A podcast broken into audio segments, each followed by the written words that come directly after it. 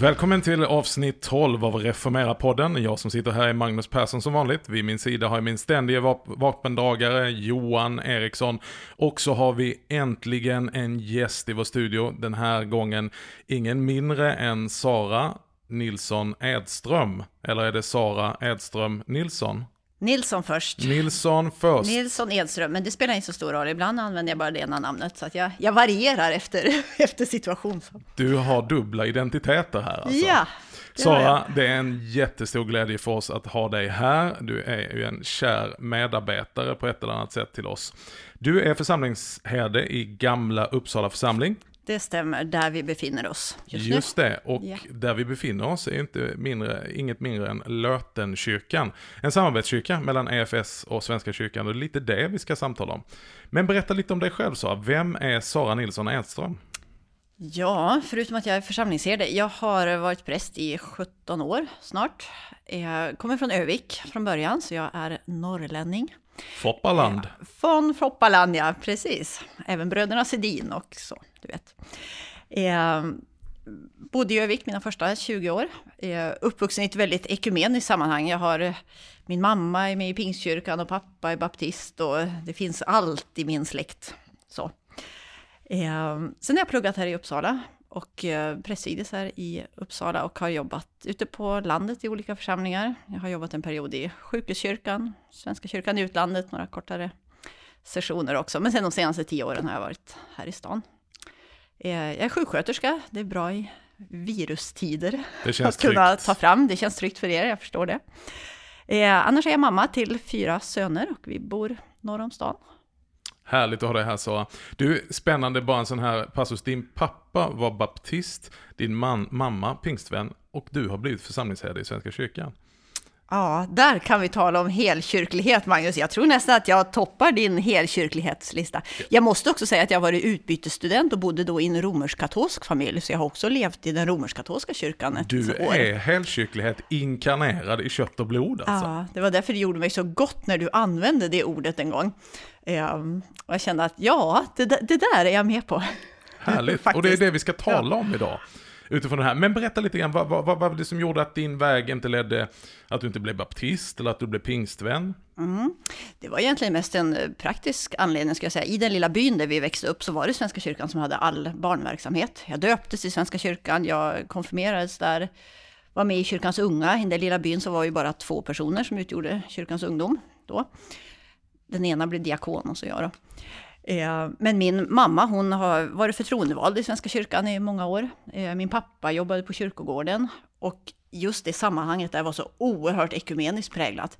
Det var inte konstigt på något sätt, utan ja, man, man gick, vi gick på gudstjänst ibland i Pingstkyrkan ena söndagen och sen kunde vi gå i Svenska kyrkan söndagen efter. Det var liksom ingen stor grej och det överraskade mig lite när jag kom till Uppsala att det inte var den här självklara ekumeniken. Så, för det var jag van vid. Man är kristen eller också är man på väg att bli det. Det är de två alternativ som finns. Måste ju fråga, nu använder du ett begrepp här som heter församlingsherde och för alla som inte är bekanta med Svenska kyrkans organisation, vad är en församlingsherde för någonting? I de stora pastoraten i Svenska kyrkan, som Uppsala är, så har vi en kyrkoherde för hela pastoratet. I pastoratet finns olika församlingar och då har varje församling sin församlingsherde. Eh, Men jag skulle säga att jag har delegation så att det, det motsvarar i praktiken en kyrkoherdetjänst. Mm. Och det är gamla, Uppkyr, gamla Uppsala församling som är ditt pastorat om man säger så. Ja, som är min församling, men vi är en del av Uppsala pastorat. Vi är fem församlingar i Uppsala som utgör just Uppsala pastorat. Och Gamla Uppsala församling då i sin tur har tre olika kyrkor. Och det är Lötenkyrkan och och Tunabergskyrkan och Gamla Uppsala kyrka. Eh, Jag brukar säga att det här är en av en av de rikaste och bredaste församlingar som finns. Här ryms allt. Och det ska vi prata om i det här avsnittet för att Lötenkyrkan är ju en samarbetskyrka.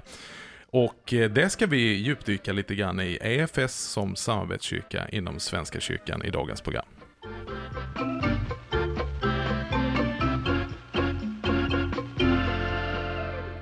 Guds folk har ju genom alla tider haft sina interna eh, förnyelserörelser. Vi kan se det långt tillbaka i gamla testamentets tid, hur de olika profetrörelserna fanns där som en förnyelserörelse och kallade Guds folk tillbaka till centrum.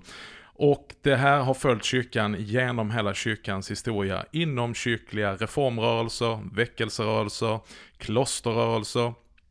Ja, eh, kärt barn har många namn.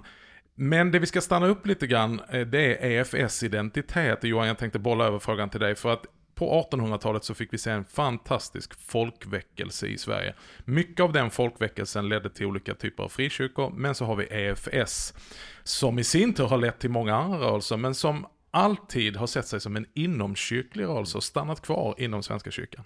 Mm, ja, man ska tänka att vi tillkom innan konvertikelplakatet var avskaffat och det var ett förbud mot att samlas till privata religiösa sammankomster. Så att vi finns liksom före frikyrkan och anser att växeln ska vara en del av kyrkan och berika kyrkan men inte kanske alltid under kyrkan. Och i den spänningen har vi existerat nu i över 160 år och det är väldigt speciellt. Och där kan man väl säga att Rosenius var lite helkyrklig. Mm. Det vill säga att han stod väldigt tydligt på Luthers grund och var ju en, en luthersk, evangelisk-luthersk förkunnare. Men som också tog intryck från pietismen och hernhutismen och även metodismen ska man säga och tog Eh, bidragande effekter från de väckelserna, men så till att eh, det bevarades inom den svenska kyrkan, mycket tack vare att EFS är en inomkyrklig missionsorganisation i Svenska kyrkan. Sara, jag bollar över till dig, vad visste du om EFS innan du fick den här tjänsten? I Övik då, där jag är uppvuxen, så är EFS väldigt stora.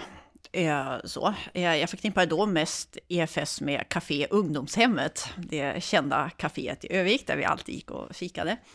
Eh, jag var inte då medlem i EFS och det var inte mina föräldrar heller.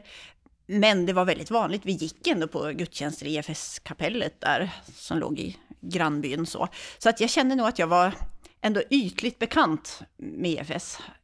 Sen när jag kom hit som församlingsherde så var det faktiskt en av mina stora utmaningar. Det var det som jag kände att det här kan bli en liten utmaning att eh, ta mig an det här. Vad är en samarbetskyrka? Jag tror aldrig jag hade hört begreppet samarbetskyrka innan jag kom hit.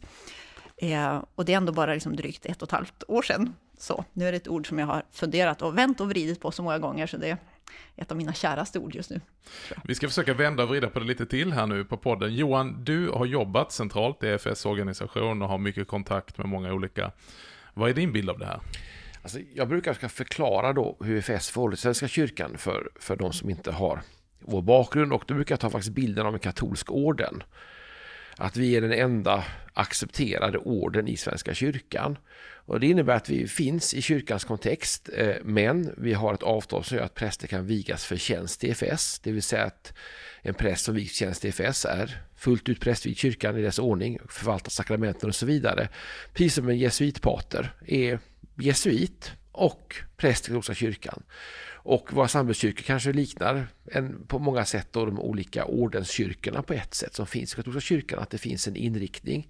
Men det är självklart en del av kyrkan och det är självklart i kyrkans hela gemenskap och lära och vigningstjänst. Men vi bär ett eget DNA och vi bär en förvaltning. I vårt fall pratar vi mycket om lekmannaengagemanget. Det är lite missvisande tycker jag, utan det handlar om att egentligen att vi kanske förenklat mer liknar en frikyrka. Vi vänder oss till en stor grupp människor som är personligt engagerade i kyrkan på många nivåer. Allt från barn och ungdomsarbete till äldrearbete till gudstjänstlivet. Och inte då alltid territoriellt bundna. Och då samarbetskyrkan blir ett mellanting där vi går in i och startar kyrkan tillsammans med kyrkan som är territoriell, i det här fallet en del av gamla Uppsala församling och som fyller församlingskyrkans alla funktioner. Men gör det med en stor dos av EFS DNA. Jag tycker personligen det här är otroligt spännande och fyllt med så mycket potential.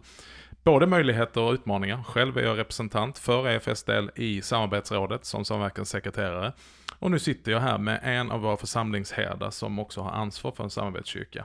Om vi börjar med Svenska kyrkan, Sara. Vad är om du bara gör en ögonblicksbild och tittar på Svenska kyrkan, de 17 år du har varit, var det 17 år? 17 år mm. du har varit präst. Eh, vad är Svenska kyrkans status? Vad ser du för några både utmaningar och möjligheter? Mm. Eh, jag tror att Svenska kyrkan just nu befinner sig i en otroligt intressant period. Det händer någonting i vår Svenska kyrka nu. Eh, vi behöver göra vägval, tänker jag, inför, inför framtiden. Både rent faktiskt, i det sammanhang där jag finns, så är det alltså väldigt skarpa besparingstider till exempel. Vi behöver prioritera i vår verksamhet. Vi behöver återvända till den här frågan. Men vad är det vi egentligen ska göra? Vad är att vara kyrka? Och jag tror att det samtalet är igång på ett helt annat sätt än vad det har varit tidigare. För nu blir det plötsligt allvar. Vi måste tänka, men hur ska Svenska kyrkan se ut om 10-20 år framåt? Så jag ser just nu en väldigt omvälvande tid. Eh, så. Eh, där det finns mycket hopp också. Det är lätt att tro att det är missmodigt att man ser sjunkande siffror hela tiden och ekonomin dalar sådär. Men det spirar. Det spirar så mycket. Jag tror absolut på en väckelse i Svenska kyrkan. Eh, Svenska kyrkan är omdanande tider där det spirar av både möjligheter och naturligtvis stora frågor. Ja, detta ska vi fördjupa oss i i det här programmet, så häng med.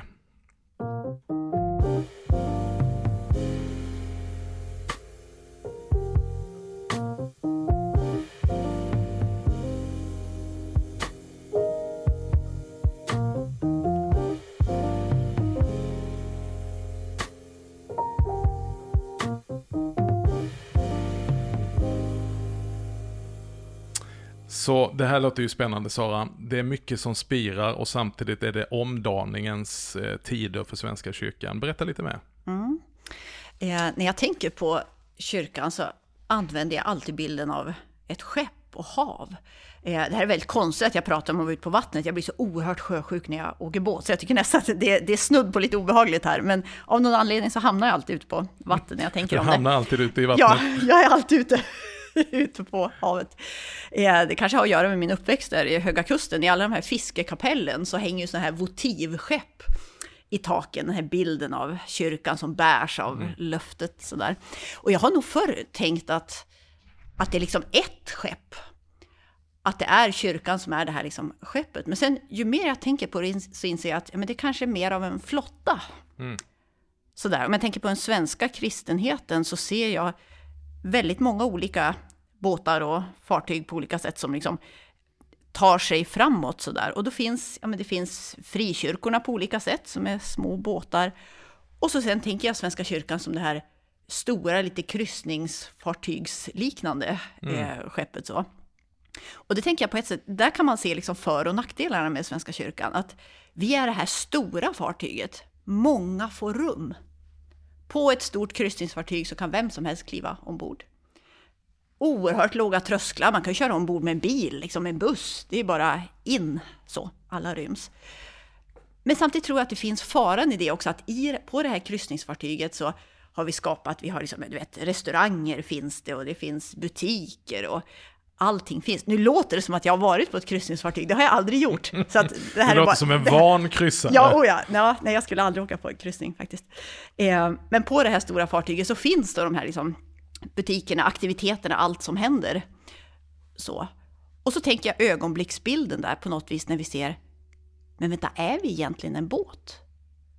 Vi behöver liksom hitta tillbaka, just det, vi är ju inte ett stort köpcentrum eller ett stort kryssningsfartyg, utan just det, vi flyter, vi bärs av någonting. Och vart är vi på väg någonstans? Och vem är det som styr? Och det är liksom lite de frågorna som kommer nu när vi ser att ja, men de här butikerna och restaurangerna, det var inte riktigt allt.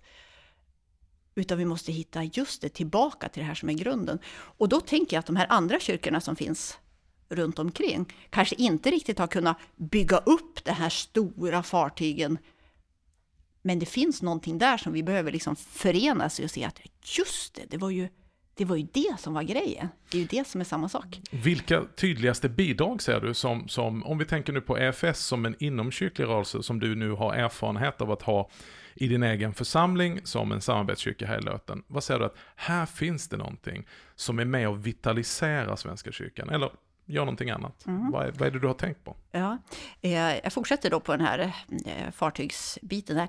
Eh, jag tänker ibland att EFS är den här lilla boxerbåten som sitter ihop med kryssningsfartyget. Egentligen skulle jag säga att boxerbåten finns i fartyget, men det blir lite svårt så bilden haltar lite där.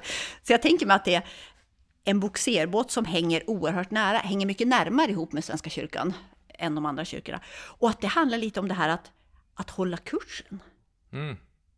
Att EFS på något vis står för det här att faktiskt poängtera, men kom ihåg, Jesus är centrum, ge Guds ord sin plats, de här grundläggande sakerna och så få vara med och liksom dra det här stora kryssningsfartyget. Eh, lite grann, lite tillbaka till källorna sådär. Får jag ta den här bilden ett steg vidare? För det är en intressant bild tycker jag, för det handlar också om att hålla kursen och vi vet ju att att en, en liten gradavvikelse leder till ett stort fel över tid och vi vet också att eh, ju, ju svårare navigerat vattnet är om det är en skärgård, desto mer hjälp behövs. Och vi har lotsarna. Jag tänker, kan det vara så att FS kanske är de här lotsarna? Det, när kaptenen har bryggan så lämnar han ibland över till lotsarna som kommer upp och som faktiskt kan just vissa vatten väldigt bra och kan säga att här måste vi köra så här.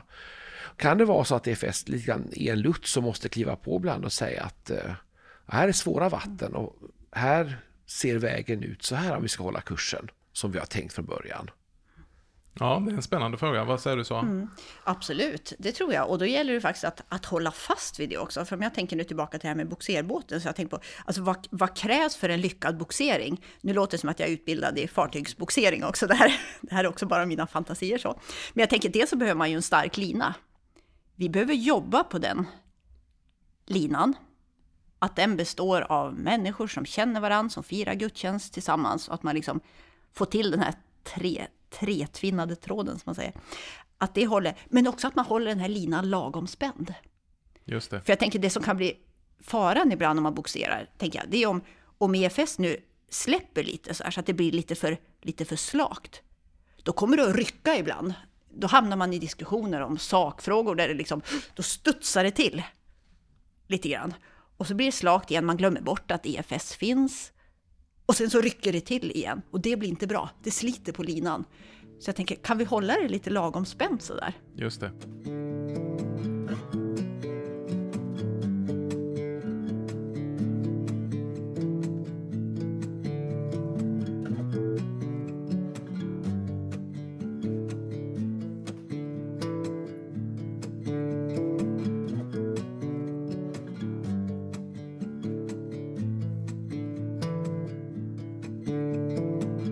Sara, du avslutade förra avdelningen med den det här bilden av att hålla boxerlinan eh, vad sa du, inte, att den inte slakar till, för då rycker det till ibland och det kan vi ju göra olika erfarenheter.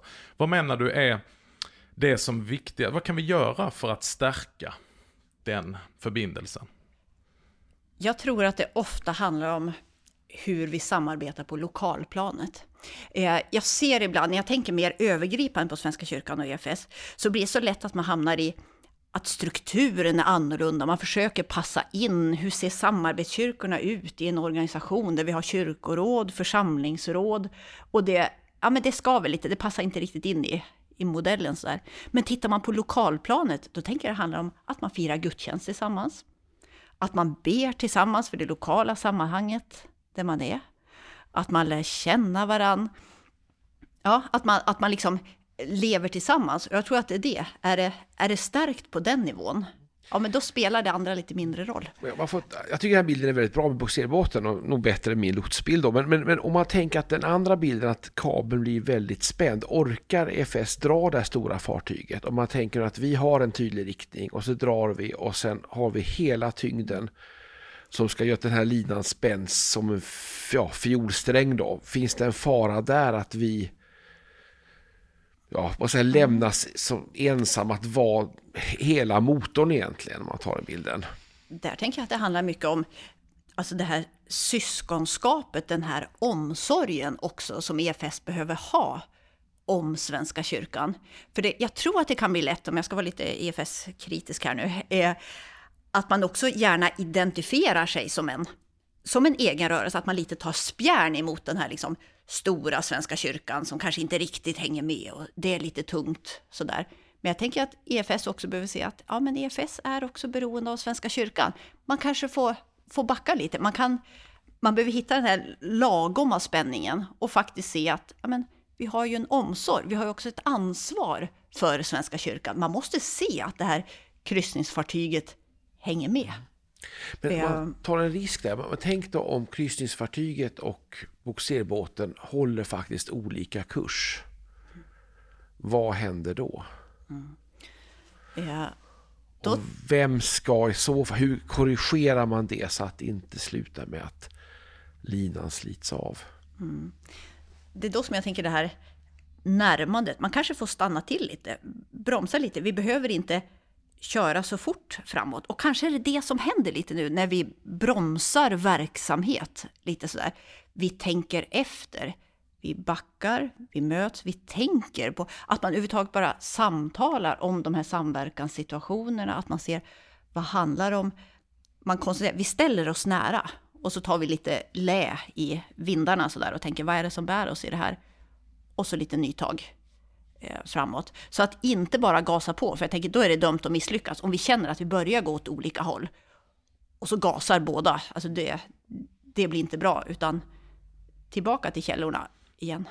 Precis. Och där finns det ju någonting större. Vi är ju en del av någonting som på det viset är större än både Svenska kyrkan och EFS, det vill säga Kristi kyrka. Och där kan det bli tillfälle i sådana här lägen att gå tillbaka till det du var inne på. Vad är det egentligen att vara en båt, det vill säga kyrka?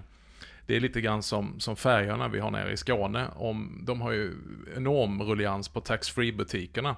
Men det är ju inte en flytande taxfree-butik. Utan i den stund färgerna inte gör sitt jobb, det vill säga transporterar folk och bilar från den ena kusten till den andra, utan helt plötsligt blir bara fokuserade på taxfree-försäljningen, då har man på något sätt missat, gjort någonting som säkert är bra, gott och uppmuntrande, men missat hela syftet med vad man är.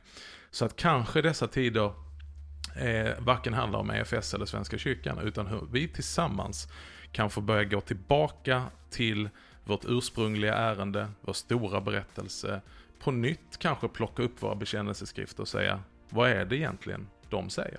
Mm. Precis, och där tänker jag att även de andra båtarna att se att i den svenska kristenheten så finns också många andra frikyrkor och återfinna liksom den här känslan av att men vi är en hel flotta. Att se, vad ser ni? Vad ser vi? Vad ser vi tillsammans? Vad är det som bär oss? Väldigt Eh. spännande bild. Så, Vad säger du Johan? Ja, jag säger att vi, du är inte bara församlingsherde, du kanske är kapten också. ja, visst.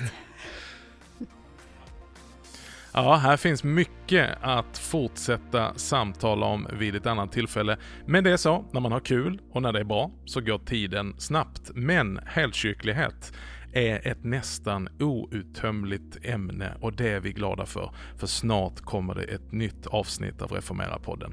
Vi tackar dig för att du har lyssnat idag och vi tackar Dan Woodrow, vår producent och Andreas Lundström, vår eminenta klippare.